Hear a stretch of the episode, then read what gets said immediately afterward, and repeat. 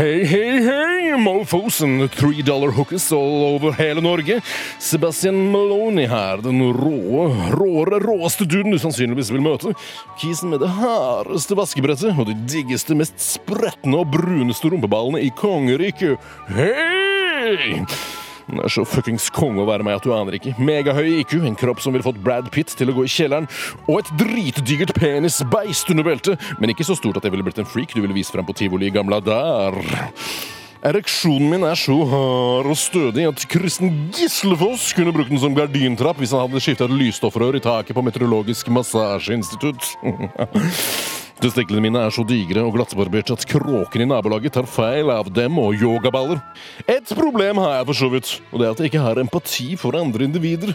Jeg har rett og motherfucking slett ikke fått folkeskikk inn med morsmelka, og det irriterer meg mer enn ei diger kvise langt inn i nesa.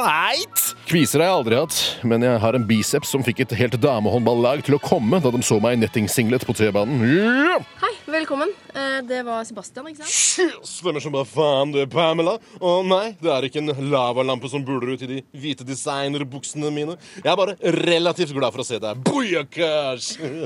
Jeg skjønner. Jeg heter forresten Ingvild Strøm Larsen, ikke Pamela. Hadde jeg vært dritglad for å se deg, Ingvild Strøm Larsen, så hadde jeg nok sagt nei, det er ikke et brannslukningsapparat. Jeg har prøvd å gjemme i disse tighte, hvite lycra-buksene, men som du skjønner, så appellerer ikke det koksgrå, brune-grønne buksedrakten din like mye til meg som gullfang, stiff nipples og camel toe. Men what the heck? Du gjør dine valg når du står om klesskapet om morgenen. Jeg er jo Mimo.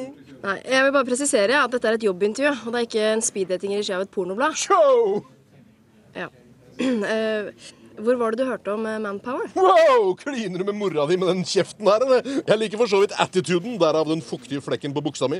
Men hei, sexy, la oss holdes profesjonelle og ikke skjære alle dritdigge sexy hunks over en kam. Vil du hilse på herr Kjøttkjepp, forresten? Ikke? Ten four. Jeg syns at samtalen fløyt dritfint. Vi hadde en jævla funky tone som jeg tror den likte bedre enn en real fucking run på Munch-museet. Shit, fra mitt perspektiv så var samtalen dritkoselig og helt inn i fødegrotta hyggelig, men det var jo fra mitt perspektiv, selvfølgelig.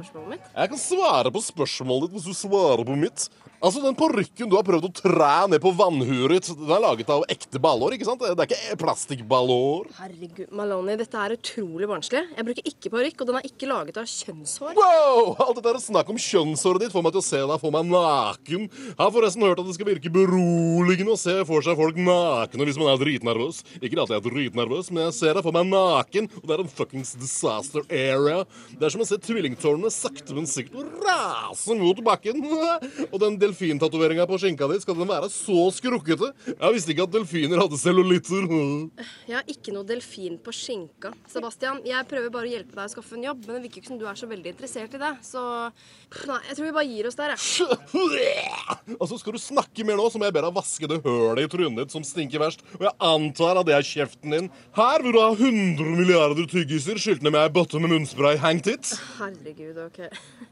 Skal vi avtale et møte? Å, du snakker om en eh, ny date, en god middag, en romantisk komedie på kino, en romantisk kveld der jeg rimmer deg i søvn. Det kommer ikke til å skje, Bambi. Du kan få hilse på kjøttkornetten min nå hvis du vil. Den er dessverre bare halvkram nå. Jeg tror muligens kameleonøynene dine og pukkelryggen din kan være årsak til det.